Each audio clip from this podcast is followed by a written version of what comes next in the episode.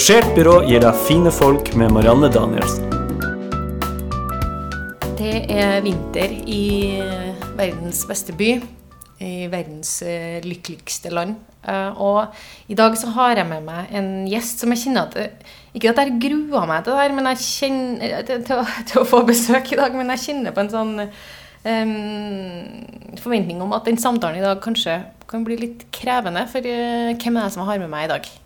Jeg heter Katrin Glads Brubakk og er barnepsykolog, eh, men har også vært mange runder ned på Lesvos i den leiren som heter Moria, hvor det bor veldig mye flyktninger i dag. Ja. Hva, hva, tror, hva, hvorfor tror du at jeg har denne følelsen, Katrin, når du skal komme? Det å ta inn over seg hva barna og folkene som lever i denne flyktningleiren, eh, opplever, hvor forlatt dem er, hvor dårlige betingelser de lever under, det gjør vondt. Samtidig som jeg tenker at det er bra, for det er det øyeblikket vi slutter å ta det innover oss og slutter å kjenne at det gjør vondt, eh, så har vi tatt for mye distanse, og da bryr vi oss ikke lenger. Og da eh, gjør vi heller ingenting med det. Sånn at det er en sånn smerte som vi er nødt til å ta inn for å klare å agere, tror jeg. Ja. Og, og det, det var jo det jeg tenkte, for jeg har jo lest uh, veldig mye av de eh, Facebook-statusene som du har lagt ut uh, den siste tida. Uh, og vi går jo tilbake til 2015, når denne krisa uh, starta. Det var da vi møttes første gangen, og så siden da så har jeg jo fulgt deg. Og, og bare i det siste syns jeg det har intensivert, heter det. Um, med at det begynner å bli litt sånn vanskelig å forstå at um, barn kan ha det så vondt uh, i den her eh, verdensdelen som vi er en del av. Um, og så tenkte jeg på det at og så nærmer vi oss jul. Uh, vi går inn i en sånn kanskje en periode der vi begynner å forbruke veldig mye penger, det blir så materielt, og det, blir så, og, og, og det er så veldig mye kjærlighet i jula òg. Men, men det, er sånn, det, det blir noen sånne kontraster. Og så tenkte jeg at det, jeg tror kanskje vi trenger det. Å ta med oss det inn i jula i, i år. Derfor så inviterte jeg deg. Takk for at du gjorde det. Eh, jeg tenker Vi skal ikke slutte å bry oss om flokken vår. Vi skal ikke slutte å eh, gjøre ting som gleder folk rundt oss. Eh, samtidig som vi ikke må slutte å bry oss om dem som er hakket lenger bort. Eh, og jeg har jo vært på Lesvos nå sju ganger. Siden 2015. Ja. Ja. Sånn at det har vært litt sånn jevnt og trutt. Så jeg har fulgt utviklinga. Og i 2015 så var det Det kom ekstremt mange. Eh, det var full krise. Eh, ing- ikke noe system var forberedt. Sånn at det at folk sov på gata, det at det ikke det var noe hjelpeapparat til stede og sånn, det, var- det var ille. Men vi tenkte at det her handler bare om at eh, vi må finne et system som, som hjelper dem. Og så er jeg der fire år seinere, og så er det verre enn noen gang. Um, så jeg vet jo ikke helt om jeg skal Enkelte dager så tenker jeg jeg vet jeg gir opp. Det, det hjelper ikke. Vi har snakka om det. Vi har um, formidla. Vi har hatt møter med politikere. Vi har skrevet. Vi har ropt. Vi har liksom gjort alt. Uh, og likevel så dør barn av diaré i Europa. Eh, det er så ufattelig. Eh, At jeg, jeg skjønner jo ikke hvorfor ikke hele verden står på huet for å gjøre det bedre. Jeg vil, jeg vil la det synke inn litt, så vil jeg komme litt tilbake til deg. For det der, eh, det der er jo noe av det som jeg vil at vi skal snakke om. Men jeg har litt sånn behov for å ta, ta deg litt tilbake i tid. Da, for denne serien her heter 'Fine folk'. Eh, og da vil jeg vel gjerne bli bedre kjent med deg òg. Hva er det som gjør at du har kommet dit at du står i den tøffe situasjonen i dag? Mm. så kan du ta meg litt sånn tilbake i tid. Hvor, hvor er, du er fra Trondheim, eller? Jeg er fra Trondheim. Ja. Eh, bodd her mesteparten av livet. Hvor er du vokst opp, da? På Byåsen. Ja. Så veldig veldig snørike vintre. Jeg husker liksom at snøhaugene var ekstremt uh, høy og svær. Og at det vi gjorde hele vinteren, var å måke snø. Men uh, godt, veldig godt forhold til det, da, så jeg holdt meg på den sida av byen. ja. Du vet jo at jeg mener at det er feil side av byen, kanskje? Hvis du har hørt på noen? Nei, det er feil, vet du. Ja, for meg er det veldig rett, da. Ja, ja. Eh, ja, men med en eh, tysk eh, mamma. Sånn at det er alltid et sånt eh, kul, sånn interkulturelt miljø. Og mamma eh, har nok et sånt veldig veldig stort hjerte for alle som lider. Sånn at det var ikke sjeldent at eh, eh, vi, hun kom hjem og så var det sånn 'Å, jeg fant noen turister på gata. De var litt kalde og sultne. Jeg tok dem med hjem.' Ja. Um, eller at rommet mitt en, en gang var leid ut uh, til en mamma som ikke hadde noe sted å bo med barnet sitt. Så da var det en periode at jeg ikke hadde et eget rom. at da var det leid ut til noen som trengte mer. Ja. Sånn at um, ganske Jeg syns ikke det var så kult da jeg var ungdom, men, eh, men eh, det har alltid vært et veldig sånn åpent hjem, og ideen om at eh, eh, det fins folk som trenger hjelp, og at vi har ressurser til å gjøre det, har nok vært veldig med meg hele veien. da. Ja. Og oppveksten din, skole og sånne ting, hvor, hvor har du gått hen på Gikk på Byåsen mm, og var ugla etter hvert. da. Um, og det var Jeg hadde en helt fantastisk uh, lærer på barneskolen som bare var Hilde Sæbø Kvam. Helt uh, nydelig dame som, som så og tok vare på alle. Um, og jeg har alltid vært en ganske, en ganske sånn høylytt menneske. Ja. Um, men Hva betyr det? Um, si fra når ting ikke er som jeg syns at det skulle være, eller veldig engasjert i diskusjoner. Uh, har en mening om mye sta, vil mine søsken si. Ja. Og det eh, kan jo være kjipt når du hele tida føler at du, du er for mye, eller du er liksom ja, mener for mange ting. Ja, for det er, noen, da er det veldig ofte noen som mener det, noe om deg òg. Ja, Ja. Veldig, veldig ofte. Eh, og ikke bare positivt. Men jeg har vært heldig da, og hatt noen sånne folk eh, her og der som har sett verdien i det, og hegna litt om meg, Ja. sånn at jeg har fått lov til det. Eh, og det er jo en av de tingene som eh, er fint med å jobbe når jeg er i felt nå. For jeg jobber i et så internasjonalt miljø at det, det er mer rom for det. Ja. Um, jeg tror jeg, jeg må ha noe italiensk blod eller sted. For Så du har er- temperament og jeg fyrer lett. Jeg roer meg lett, men jeg fyrer veldig lett. Ja. Men å jobbe i et miljø hvor det ikke er et problem, hvor Ja. folk tenker at det er et tegn på engasjement mer enn eh, at du blir for mye, er jo, er jo en av de tingene som gir meg noe personlig med å, med å jobbe i feltet. Da. Betyr det at du da har øh, øh, engasjert deg i elevråd og politikk og sånne ting i oppveksten? Organisasjoner? Ja, ehm, jeg var for usikker på ungdomsskolen til å liksom tørre å kaste meg frampå der, men på videregående så tok det litt fart. Sånn at Silje Engenes, som du har snakka med Ja, tidligere her, ja. jeg var leder for Operasjon Dagsverk i Sør-Trøndelag Ja. før hun overtok. Ja, nemlig. Um, sånn at uh, OD-dagen. OD-dagen var stor. Det var liksom årets uh, dag på videregående. Ehm, så jeg som hun hadde veldig mye fravær pga. OD. Det er jo litt sånn, Operasjon Dagsverk er jo uh, litt sånn frivillighet satt i system, på noe ja, vis. ja, veldig.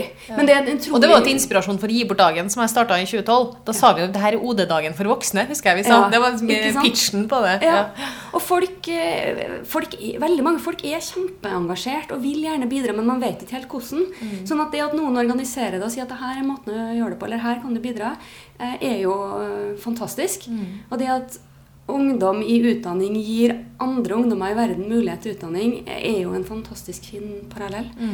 Um, så på Skjønning, hvor jeg gikk, så ble det etter hvert et eh, eget valgfag eh, for frivillig arbeid, sånn at jeg ikke skulle få så mye fravær. Oh, ja. Så man kunne- de laga et fag for deg for at du ikke skulle få fravær? ja, så da kunne jeg skrive det på kontoen for, for valgfag. Ja, nemlig. Men eh, fra da, da? Fra, fra russ og fra skal begynne å ta noen valg i forhold til hva man skal bli? Ja, um, kommer fra en veldig akademisk familie, sånn at jeg skulle liksom ta utdanning, det var greia. Um, Jeg mener at din far han, har noe sånn eh, dykke, vil jobbe med forskning innen dykking? eller? ja, han er professor i ekstremfysiologi, så han har forska på dykking og Ja. polfarere og romfart og sånn, sånn at alt det som setter kroppen litt sånn på prøve. Ja, ja. Eh, Så det var en forventning om at jeg skulle ta utdanning, og det tenker jeg jo fortsatt er lurt. Men jeg trengte et års pause, så da mm, jobba jeg litt som eh, organisasjonssekretær for SV i Trondheim. ja, så der kom det noe politikk. Der kom det noe politikk inn, vet du. Eh, Og så gjorde jeg noe helt annet, for da dro jeg til Spania, og så jobba jeg som turntrener. Ja, fordi at det bøy seg en mulighet. Jeg, mesteparten av ungdoms, barne- og ungdomstida mi tilbrakte jeg i en turnhall. Så jeg turna veldig mye her i Trondheim. Og så hadde pappa Andre drar, tar jo sånn au pair eh, til London, liksom, men du er bare turntrener i Spania. Du vet at det, det, er litt annerledes. Ja, for meg var det liksom det mest naturlige Ja, ja. i hele verden.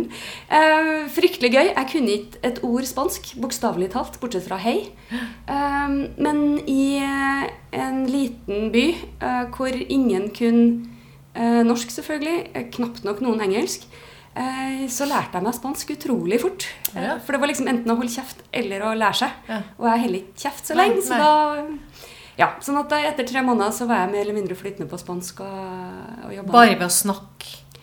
Det er en, altså det er en utrolig sånn gave å snakke med barn. Fordi at de gir seg ikke. For Hvis du ikke skjønner, så, så henter de en unge til som kan forklare noe annet. Og så er det hender og føtter og ordbøker og sånn, og til slutt så bare lærer du. Ja. Eh, Og mye kroppsspråk da, der. Veldig mye kroppsspråk. Ja. Eh, som jo matcher det, det italienske Ja, blodet. ja, ja, jeg tror jeg har ja, et sted. ja. Eh, så det gikk overraskende fort og bra. Mm. Veldig, veldig artig erfaring. Ja. Eh, Men så er jeg også litt sånn trygghetssøkende, så da kom jeg hjem um, og tenkte at nå må jeg jo ta meg utdanning. Uh, Gjøre noe fornuftig, liksom. Um, Så kom jeg rett hjem til aksjonene på Rotvoll. Ja. Eh, Og for dem som husker det, så var jo det Statoil som skulle bygge ut eh, forskningsbygget sitt eh, på Rotvoll. Um, og jeg jobba litt sånn i radioen og begynte så vidt å studere filosofi og historie. Hva mener du jobba i radioen? Jeg jobba i Radio RV på det Ja. tidspunktet. Eh, som sånn ekstra Hvilket årstall snakker vi nå? Det var i 1991, så det er jo nesten 100 år siden. Ja, Ja. nesten. Eh, så da kom jeg tilbake dit, og da fikk jeg jo eh, mulighet for noe utløp av noe engasjement. Så da var det teltleir i elleve uker der. Lå du i telt i elleve uker? Ja. På Rotvoll? På Rotvoll.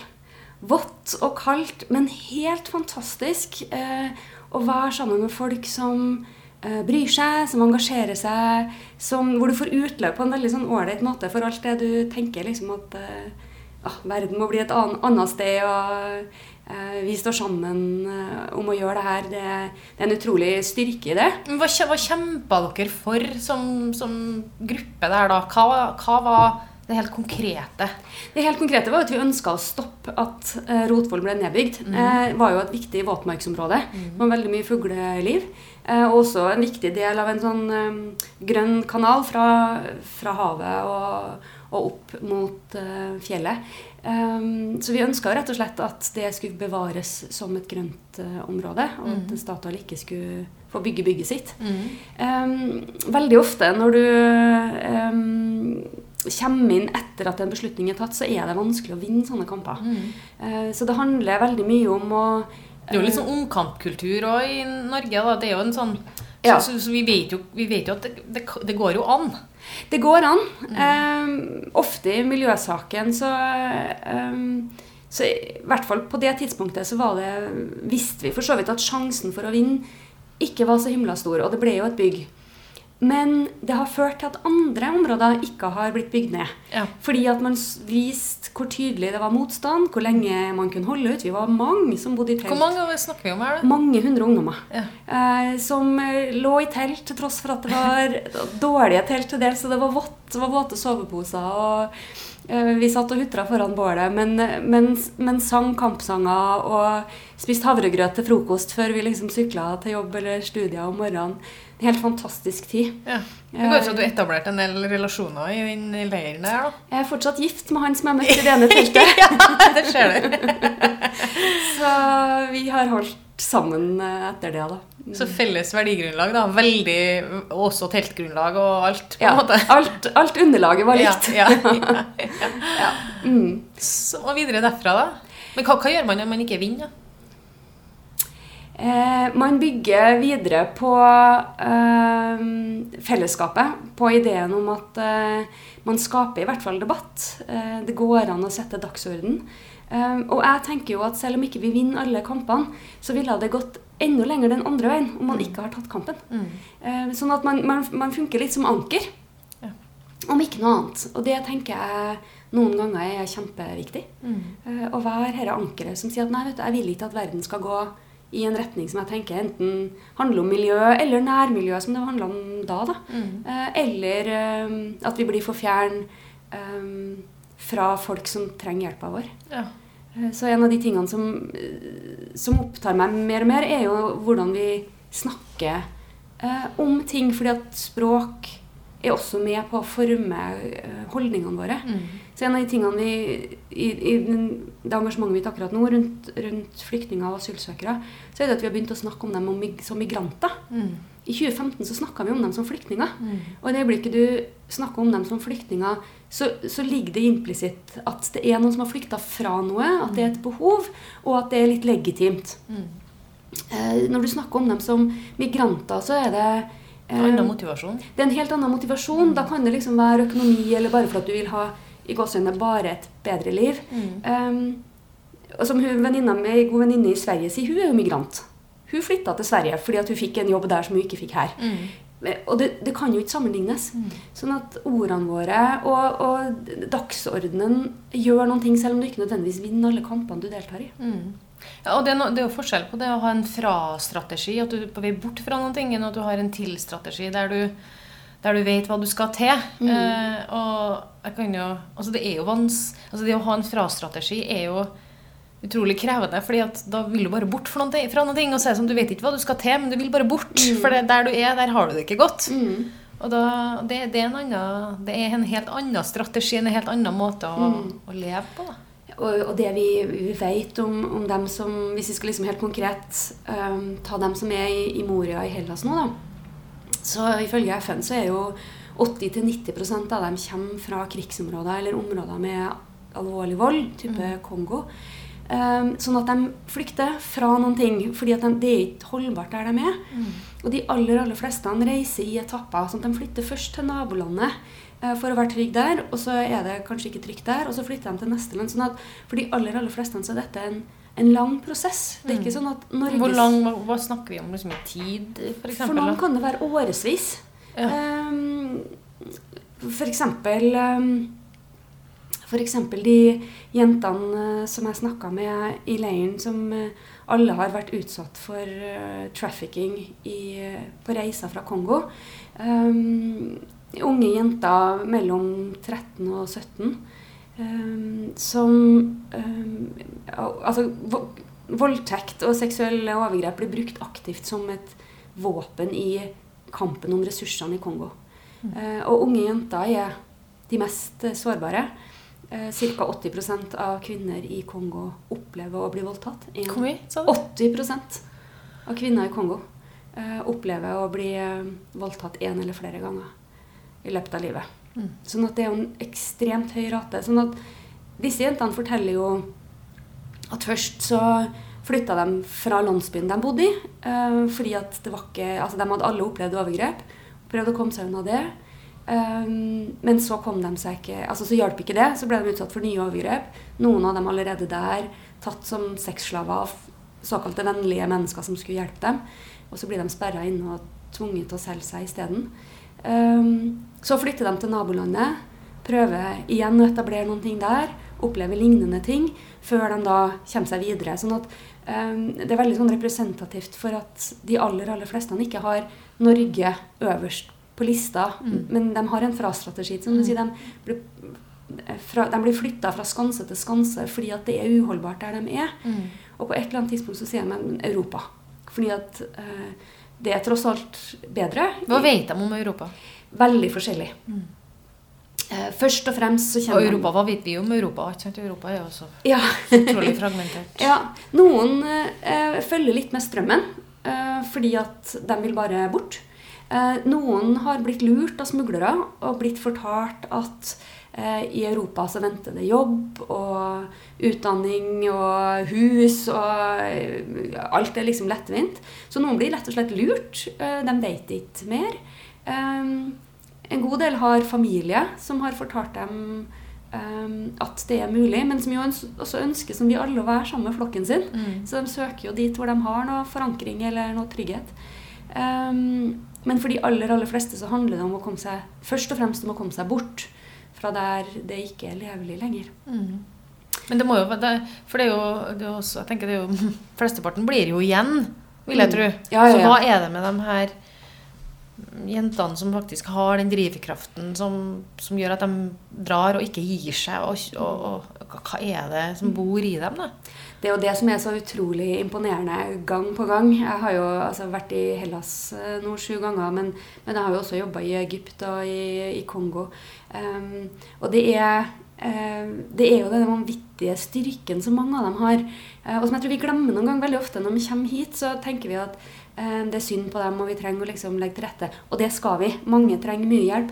Men det er nettopp det der oppdriftskraften som veldig mange av dem har. Og de har klart seg som unge enslige, mange av dem, eh, å komme seg gjennom ting som ikke mine ungdommer i hvert fall hadde klart. Nei. Jeg tenker på, sant, jeg har en 18-åring og en 20-åring hjem. Og hvis de skulle vært satt eh, til å gå over fjellene i ukevis for å komme seg fra, ut fra Afghanistan, eh, levd på vann og nesten ikke noe, funnet ut hvordan de skulle forhandle med smuglere, sånn at de kunne komme seg videre. Mm. Eh, Ligget i skjul for ikke å bli tatt eh, hvis de er på grensa på Bosnia. Altså Alle de tingene som disse ungdommene har opplevd, eh, det, er, det, er, egentlig utrolig imponerende. Mm. Det setter sine spor. Mm. Eh, det gjør at de er veldig utrygge, og mange har mye traumer med seg. Men det er også en utrolig styrke i dem. Mm. mm. Det er imponerende. Men du, For tilbake til denne utdannelsen din, for du er jo, du er jo barnepsykolog. Eh, hvordan, hvor, hvor, gikk du fra rotvoll til barnepsykolog? ja, um, um, etter rotvoll, eller mens jeg, vi var på rotvoll, så prøvde jeg å ta grunnfag i historie. Ifølge mannen min så er det ingen som kan så lite historie. ja, sånn at det var så vidt jeg hangla meg gjennom. Um, men fikk da de vekttallene, som det het den gangen. da. Uh, og så så jeg at det var utlyst sommerjobb som journalist i Adresseavisa. Så tenkte jeg det må jeg jo prøve. Mm. Um, og fikk uh, jobb mot alle odds, skulle jeg si, for jeg hadde ikke uh, skrevet et ord før den tid. um, så uh, var jeg der ei stund. Um, og kjent hele tida at altså, det, det, engasjementet har alltid vært der. Um, sånn at det å være objektiv journalist, det strevde jeg litt med. Ja.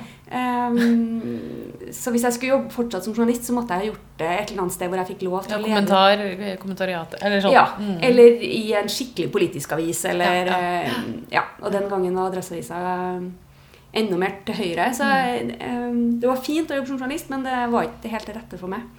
Um, og så fikk jeg tilbud eh, om å jobbe som kampanjeleder i Greenpeace. Ja.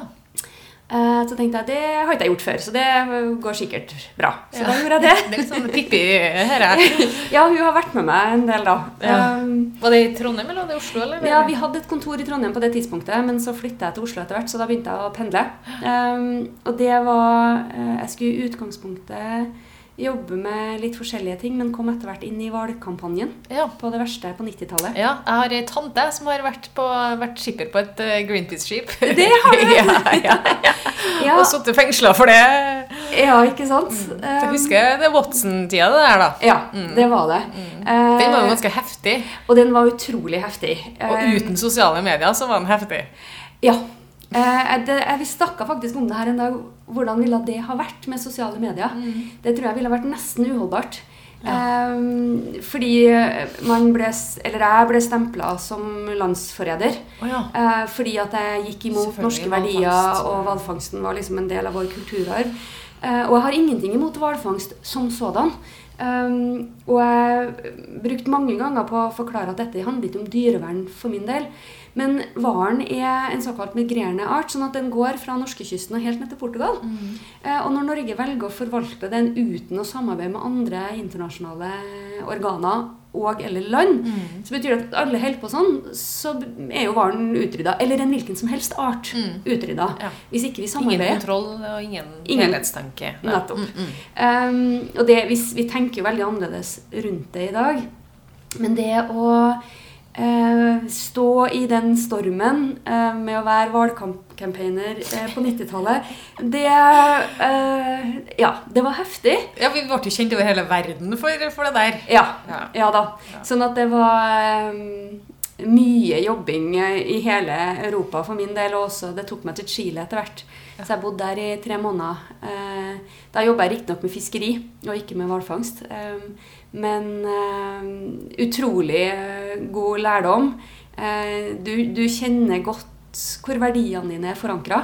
Fordi at du er nødt, fordi at du er så, det er så mye motvind. Eh, og så er Og det det er jo i motvind og i motstand at du kjenner på om verdiene funker eller ikke, om de er der, om det er riktig. Ja. Hvis ikke så går det jo på hva med deg sjøl, og da er det ikke noe Da, da stikker du jo. Ja. ja. Nei, så det, det var en veldig ålreit erfaring. Og så er det jo, det er jo rart med det når du når det er så mye motvind, så, så blir den der gruppa som står sammen, utrolig sterk. Um, og eh, selv om jeg ikke har overhodet noen, noen ting eh, til felles med f.eks. en gruppering som IS, eh, så kan jeg skjønne at jo mer motstand de får, jo tettere knytter de seg sammen. For det er en sånn menneskelig mekanisme om at um, vi må holde sammen med dem som mener det samme som oss. Ja. Uh, og så blir du kanskje Eller faren i hvert fall er at du kanskje blir mer ekstrem enn en du ville ha vært hvis du sto alene. For at det er noen som søker noe samhold i det. Mm. Det er jo litt polarisering av òg, det. At Ja. Eh, det er litt den der mekanismen der. Mm, veldig.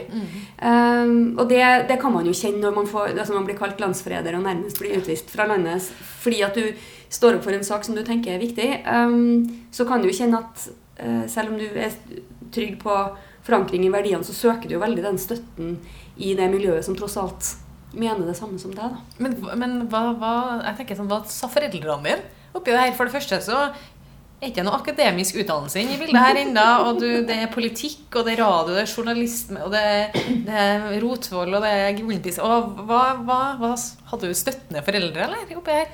Um, jeg, har, nok foreldre som har tenkt litt sånn um, Ja ja, så lenge de gjør noe fornuftig med livet sitt, så skal de holde på. Landsforræderi? Det er sånn Ja ja, nei, men eh, Ja, jeg vet ikke om de syns det var akkurat så kult, men eh, eh, Nei, en ganske sånn fri oppdragelse sånn sett. Mamma var ikke vilt begeistra når jeg sa jeg skulle slutte på universitetet. eh, og skulle begynne å jobbe isteden. Um, men, eh, men hun har vel sett at jeg har landa på beina på et eller annet vis. Um, så jeg vet ikke om hun har vært så bekymra for det. Mm. Men igjen, da. Når kommer dette studiet inn? ja, Det er noen av oss som er sånn late bloomers, Ja. sånn at vi skjønner litt for seint hva vi skal bli i livet. For hvor lenge var du i Greenpeace? Eh, Der var jeg i to og et halvt år. Eh, Og så var jeg, bodde jeg da i tre måneder i Chile og jobba med en fiskerikampanje der. Eh, Som var, vi var litt tidlig ute med å adressere overfisking. Og nå har det jo blitt et kjempeproblem. sånn at vi jobba med overfiske, og vi jobba med klimaendring eh, i eh, Nå er vi på 95, Ja, 96. Ja, Mm. Sånn at det er liksom godt og vel 20 år siden eh, vi, vi snakka mye om det, prøvde å adressere det. Mm. Eh, og nå eh, endelig er det blitt et stort eh, tema. Mm. Jo, så etter Chile så tenkte jeg nå må jeg nå studere, da. Ja. Um, så da begynte jeg på biologi. Ja. For da var det miljøvern som var tingen. Um, og så klarte jeg vel å holde ut i et drøyt år med det. Og så ble jeg spurt om å søke en jobb i Redd Barna. Uh, og da var jeg tilbake igjen i Trondheim, så da tenkte jeg det må jeg gjøre. Ja. Så da eh, gjorde jeg det en periode. Eh, og vi gikk videre til Amnesty International eh, og jobba der. og så på et eller annet tidspunkt så, så kjente jeg at um, jeg har lyst til å ta det litt videre. Jeg hadde liksom nådd litt taket for utfordringene jeg kunne få innen frivillige organisasjoner i, um, i Trondheim. For det er veldig operative ting du har gjort hele tida. Du har vært veldig sånn i, stått i stormen og gjort jobben og vært taktisk operativ. Ja, Ja. jeg er nok en praktiker. Ja. Eh, Hvis jeg skulle gjort noe annet, så skulle jeg blitt snekker. Ja. Ja, Oh. Liker veldig godt å få ting gjort. Ja. Um, sånn at eh, det, det er nok det som har lokka mer enn å bare sitte og lese bøker. I hvert fall da jeg var yngre. Mm. Um, så hadde jeg veldig lyst eh, Jeg har alltid hatt en veldig hang til å jobbe ute. Altså ute i verden. Jeg, jeg liksom kjente at det, det vil, jeg, vil jeg veldig gjerne. Men så lever jeg med en mann som, eh, som sier at han kan bo hvor som helst i verden så lenge han ser Nidelva. ja. Så da fikk På bildet, eksempel. Går det an? Nei, nei, det måtte være nærere enn som så. Så da hadde vi et lite problem. Så da var det noen sånne forhandlinger på skal vi flytte på, skal vi ikke. Ja. Um, men så valgte de nå å bli. Og da kjente jeg at da må jeg, da må jeg, få noe, jeg må utvikle meg videre. Jeg må få noe input. Sånn at jeg bestemte meg for å studere psykologi for å bli organisasjonspsykolog. Ja. Jeg tenkte at det er litt sånn operativt, og det er litt sånn hands on, og det er praktisk også. Eh, Så det var det jeg begynte med. Ehm, Så jeg husker jeg, Det her gjorde jeg i jeg var bare barselpermisjon, så da satt jeg og rugga vogna til han minstemann samtidig som jeg prøvde å lese om gruppedynamikk og ledelse og Ja, det gikk nå på sitt rare vis. Um, men så, jo lenger inn jeg kom i studiet, jo Var det her? Det var her i Trondheim. Ja. Mm. Uh, For vi måtte jo være nære Ja, Nidelva. Selvfølgelig. Mm. Ja. Ja. Så da ble vi nå her. Uh, og så um, jo, jo mer jeg ble Jo mer jeg leste, og jo kanskje også kobla om at jeg hadde små barn mens jeg studerte, så ble jeg nysgjerrig på utviklingspsykologi. Eh, så det ble barnepsykologi til slutt, da. Ja, Mm. Så du gikk fra organisasjon til barn. Det er en, det er en ganske stor, stor forskjell. Eller, eller kanskje det faktisk er veldig likt. Ja, du skal ha ganske, du er ganske god på organisasjon når du har familie, i hvert fall. Ja. Um, nei, jeg, jeg, tror, ehm, jeg tror det som um, gjorde at det fenga meg, um, var igjen litt sånn herre kamplysten, engasjementet, vil gjøre en forskjell. Ehm, og det er mange barn som både, både ute i verden og i Norge som trenger noen som kjemper litt for dem. Mm. Som står opp for eh, det at de blir ivaretatt, at de blir hørt. at noen ser deres side. Sånn at det, det, ligger mye, det ligger mye mulighet for å være engasjert. Mm. Eh, og, og for meg er det en sånn rød linje, eller rød tråd, Mm. Gjennom engasjementet. Det har bare tatt litt ulik form. Ja. Mm. Og hva, hva brukte du den utdannelsen til når du var ferdig? da?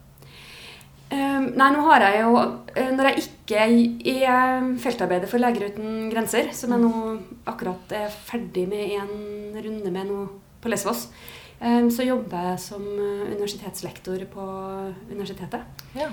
Um, så jeg driver og utdanner de kommende barnepsykologene. Mm. Sånn at eh, vi har en liten eh, klinikk oppå Dragvoll.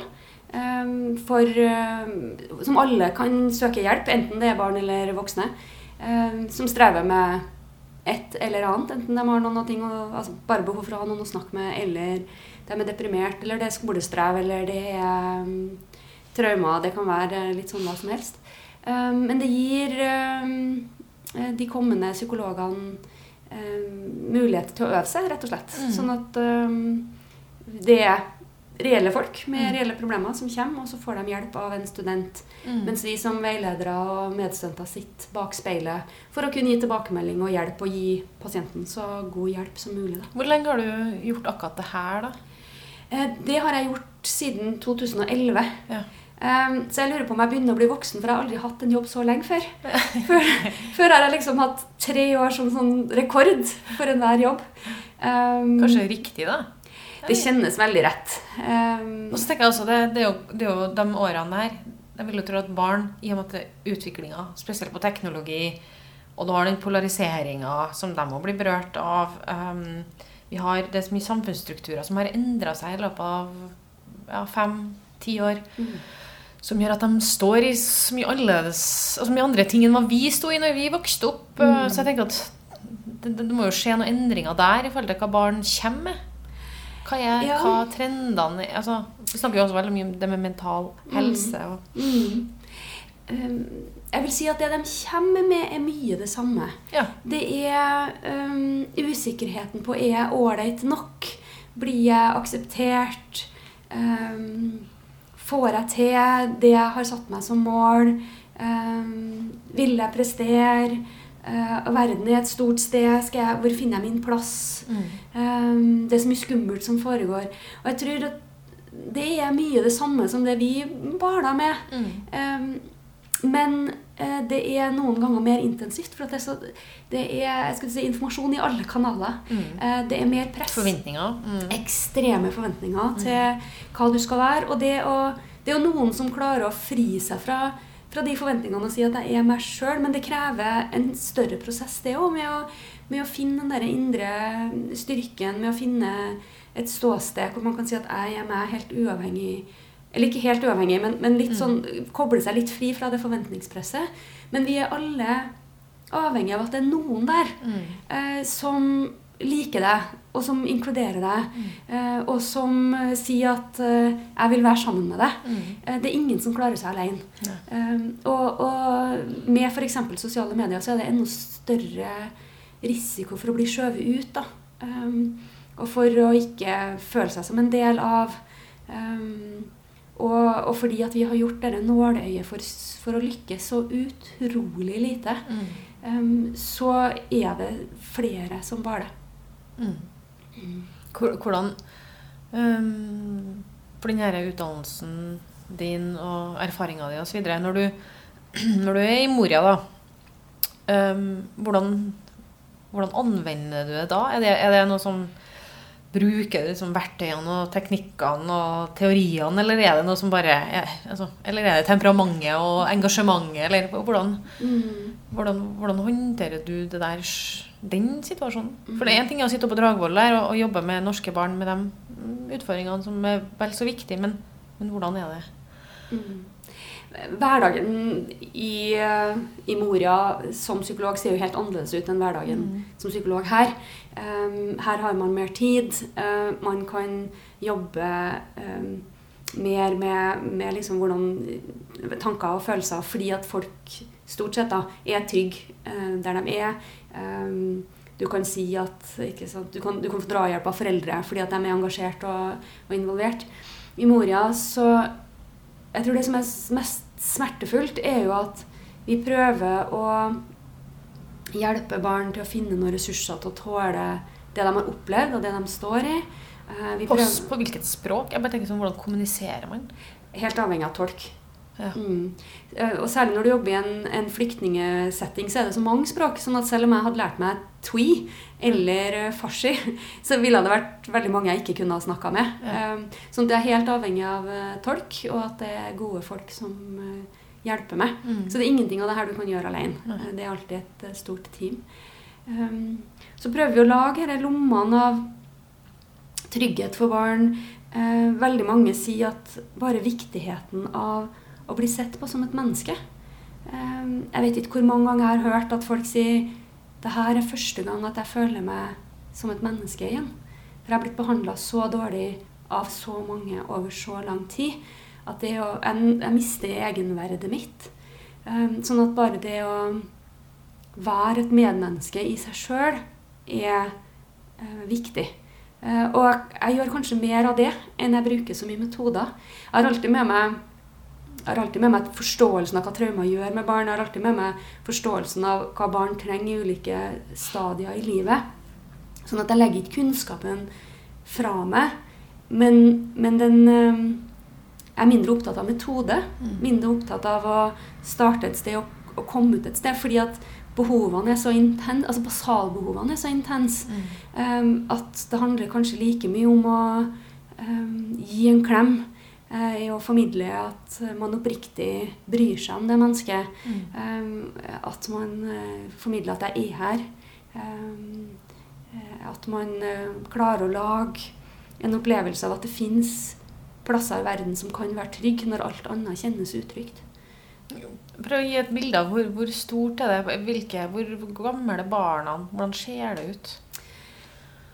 Moria er i utgangspunktet et gammelt fengsel. Um, sånn at det er piggtrådgjerde rundt leiren. Det er vakttårn med bevæpna vakter. Det er patruljering av bevæpna politifolk. Um, sånn at du får veldig en følelse av at her er det politiet og militæret som er i kontroll. Um, leiren er åpen, sånn at folk kan komme seg ut, men de kommer seg jo ikke av øya. Sånn at, uh, og, og veldig mange har eh, dårlig råd, sånn at den leiren som ligger litt utafor byen, er det ikke så lett å komme seg fra heller. Altså, det at bussen koster eh, fem kroner, er for noen mer penger enn de har. Så du er litt stuck der. Um, så når du kommer til leiren um, etter å ha kommet i land med en av båtene Alle har jo kommet via disse gummibåtene som sikkert veldig mange har sett bilder av. Mm. Så når de kommer til leiren, um, så uh, får de Sånn som det er i dag, så er det så mange i leiren at det ikke er plass til dem noe sted. Altså, det som I utgangspunktet så skal du da kunne få plass i en container hvor det bor folk, eller i litt sånne store, kraftige telt. Nå er det så fullt. Nå bor det nesten fem ganger så menneske, mange mennesker i den leiren som den er bygd for. Um, så det betyr at du får et teppe uh, og så blir du registrert, og så får du beskjed om at finn deg en plass. Um, så um, Jeg, jeg, jeg føler dem Det er et veldig sånn generelt spørsmål, men føler de lettelse når de kommer dit? Når de kommer til stranda, så føler de lettelse. Ja. Um, de føler lettelse over å ha kommet til et sted de tenker er trygt. De føler lettelse um, over å ha overlevd. Mm. Det er mange som ikke har overlevd båtturen. Um, sånn at, og det har de jo hørt om. Sånn at da er de veldig letta. Sånn at uh, ofte, hvis ikke båtturen har vært veldig dramatisk, at de har faktisk havna i vannet og måtte ha blitt plukka opp, uh, eller uh, de har vært ekstremt lenge på havet Hva er ekstremt lenge? Ja, det kan jo være seks, sju, åtte timer. Um, båtturen i over er ganske kort. altså Det er som å stå, se fra Ramkloa her og så over til Fosen. Ja. Uh, så det er egentlig ganske nære. Uh, men med dårlige båter, uh, dårlige motorer, overfylte båter, så går det tregt. Um, og så er det litt en sånn katt og mus-lek med den tyrkiske kystvakta som prøver å stoppe så mange som mulig For å få dem til å dra tilbake igjen. for å få dem til å dra tilbake igjen. Mm. Sånn at når det kommer eh, I løpet av ei uke kommer ca. 1000 eh, til Lesvos, så betyr det at det er ca. 3000 som er sendt tilbake. Mm. Og folk rapporterer og har prøvd både åtte og ni og ti ganger før de klarer turen over. Det er ganske mye desperasjon, da. Det er veldig desperasjon. Det er rett og slett en opplevelse av at vi kan ikke bli der vi er. Ja. Uh, mange har jo vært i Tyrkia ganske lenge. Uh, men situasjonen der er ustabil. Sånn at eh, Erdogan uh, har jo nå begynt å deportere folk tilbake til Syria, f.eks. Um, pluss at det er en enorm diskriminering. Hvis de får jobb i det hele tatt, så er det litt sånn slavelignende kontrakter. Veldig dårlig behandla. Det er vanskelig for ungene å få gått på skole. Sånn at det er ikke noe sted å starte et liv. Um, og da kommer de over isteden. Mm. Sånn at um, når du har prøvd din åttende gang og endelig kommer over og er i live, så det er klart du er letta da. Mm.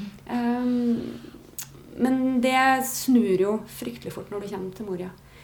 Um, så når du da har fått det teppet, og du kan være en familie med små barn, så er det rett og slett å finne en plass på bakken og sove.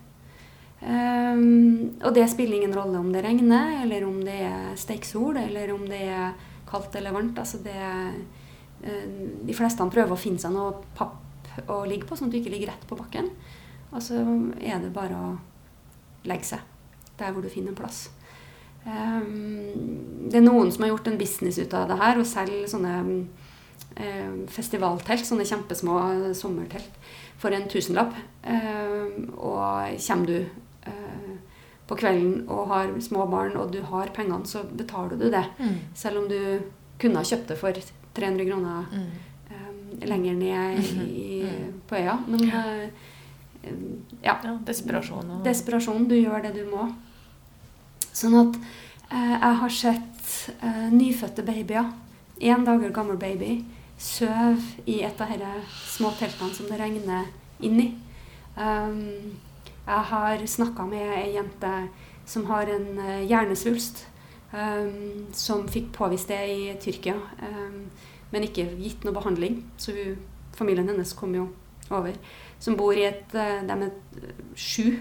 eh, bor i et telt på fire kvadratmeter. Og fire kvadratmeter det er bitte litt større enn dobbeltsenga mi. Mm. Eh, Jeg har uh, snakka med ei jente som eh, var nyretransplantert eh, i Tyrkia fordi hun var så dårlig.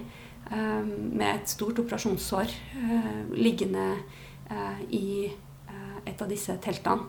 Eh, og for dem som eh, har sett bildene, så har vi sett disse haugene med, med søppel som hoper seg opp. Mm. Eh, sånn at der hvor du skal vaske deg og vaske opp Vaske klærne dine og vaske opp fatene dine. Der er det enorme hauger med søppel rett ved siden av. Mm. Så fluene har liksom festmåltid eh, i søpla der, mens du skal prøve å holde deg rein på en annen måte. Mm. Hva gjør du når du har et svært operasjonssår eh, i de betingelsene? Mm. Eh, og nå i forrige uke så er det altså en ni måneder gammel baby som dør av diaré eh, i Europa. Mm. Eh, fordi at det ikke er tilgang på godt nok eh, helsestell, fordi at vannet ikke er rent, fordi at eh, det er så skittent at eh, han har sannsynligvis hatt et litt dårlig immunforsvar, sånn at han har ikke klart å å kjempe imot det og har diaré på månedsvis, og til slutt så bare dør han av det. Um, og det er jo da jeg blir litt sånn er, hvorfor, hvorfor er det ingen som er mer opprørt enn de er? Um, når barn dør av diaré i Europa. Um, jeg, er sint og fortvilt på en gang, for det, det skal ikke være sånn. Og vi skal ikke tåle det. Men, men hva, hvorfor tror du det er sånn, da? Jeg har jo lyst til å si at det er mange som bryr seg. Det er veldig mange som, eh, når de hører historiene og når de leser, eh, spør hva de kan gjøre og hvordan de kan bidra. Sånn at det er ikke en total um, mangel på engasjement.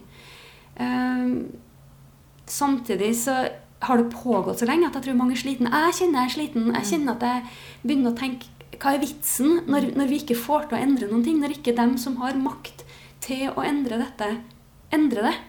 Um, så det er veldig forståelig at man blir litt apatisk. Um, Hvem er det som kunne ha gjort noe? dette kan bare løses politisk. Og da tenker du politisk hvor? Uh, det, dette kan ingen, ikke ett land eller én politiker løse.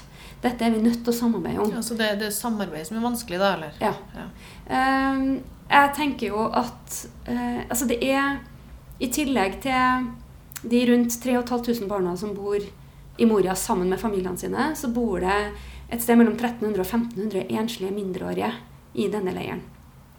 Den yngste ett og et halvt år, som er kommet uten foreldre. Um, det er 1300 barn som ikke har noen til å trøste dem om kvelden når de er redd. Um, det er 1300 barn som ikke uh, blir stelt for på den måten de skulle blitt stelt for. Uh, det er 1300 barn som er livredde, for de skjønner ikke hva som skal skje, og vet ikke hva framtida skal bringe.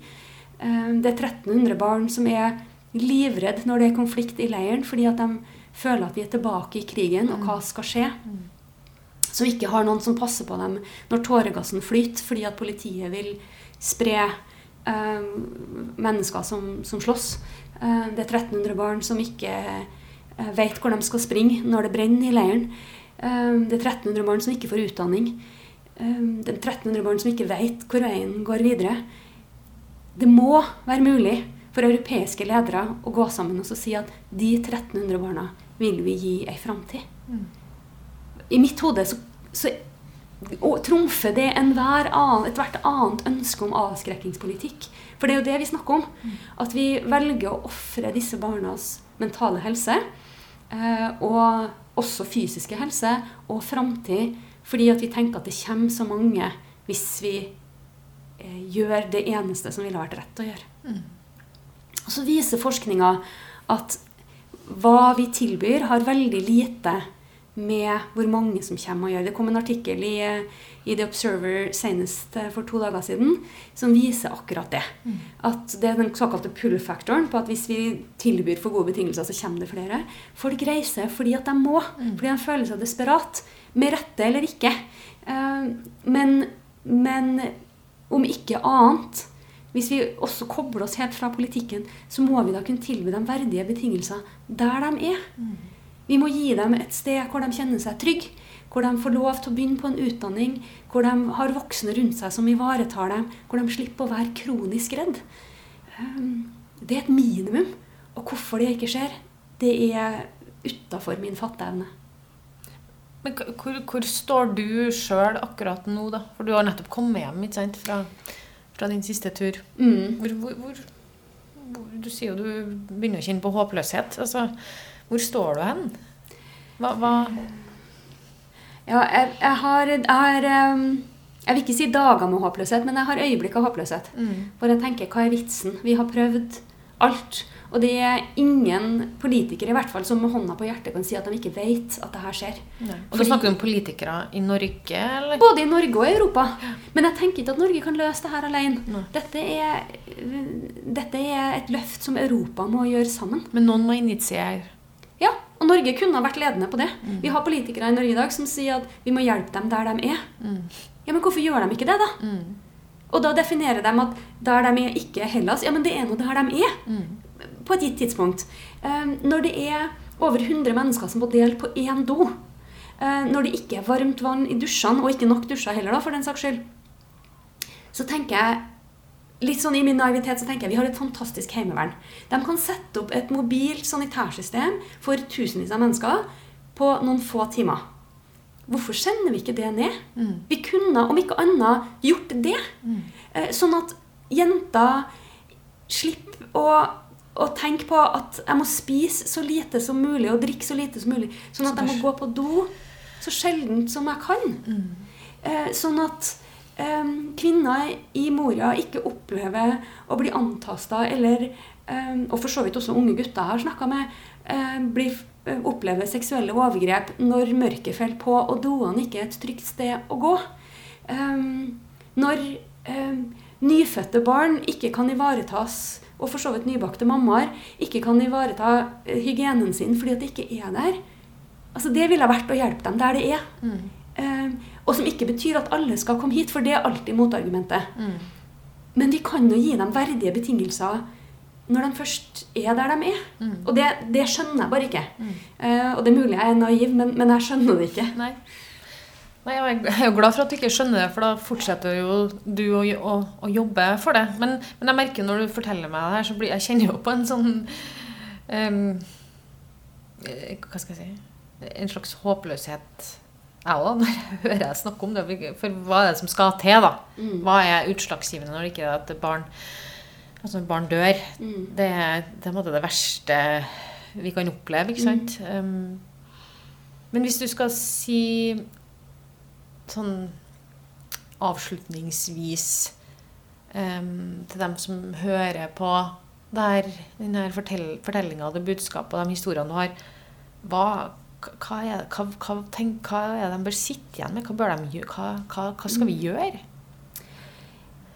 Når jeg ikke har håpløse øyeblikk, så tenker jeg at det her er litt som en vanndråpe som detter på en stein. Og du ser ikke endringer med det første. Den steinen jeg har. Um, men på et eller annet tidspunkt så begynner det vannet eller de dråpene å uthule den steinen. Um, sånn at for hvert menneske som snakker litt annerledes om denne situasjonen i lunsjpausen, eh, og for hver som orienterer seg om hvor situasjonen og eh, tar et standpunkt. Eh, for enhver som strikker klær sånn at barn ikke må fryse i Moria gjennom natta.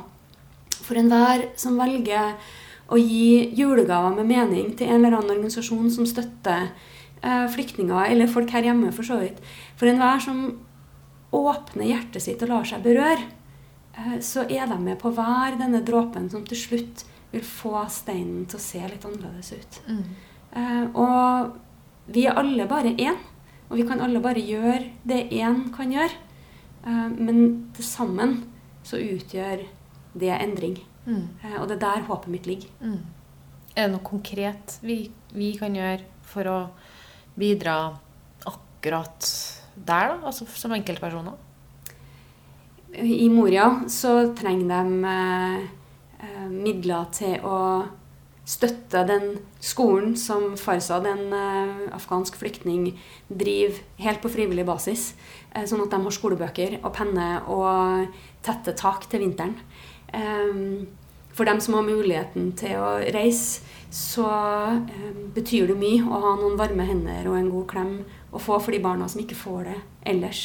Eh, eller få hjelp til å dele ut klær eller være i aktivitet. Um, Dråpen i havet gjør en helt fantastisk jobb med å være der.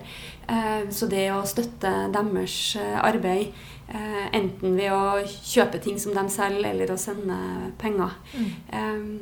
Det å støtte folk som reiser ned frivillig, enten med å sende med ting eller gi dem bidrag, sånn at de har råd til å reise. Alle reiser jo på egen kostnad. kostnad. mm. det å uh, snakke med folk som er kommet hit.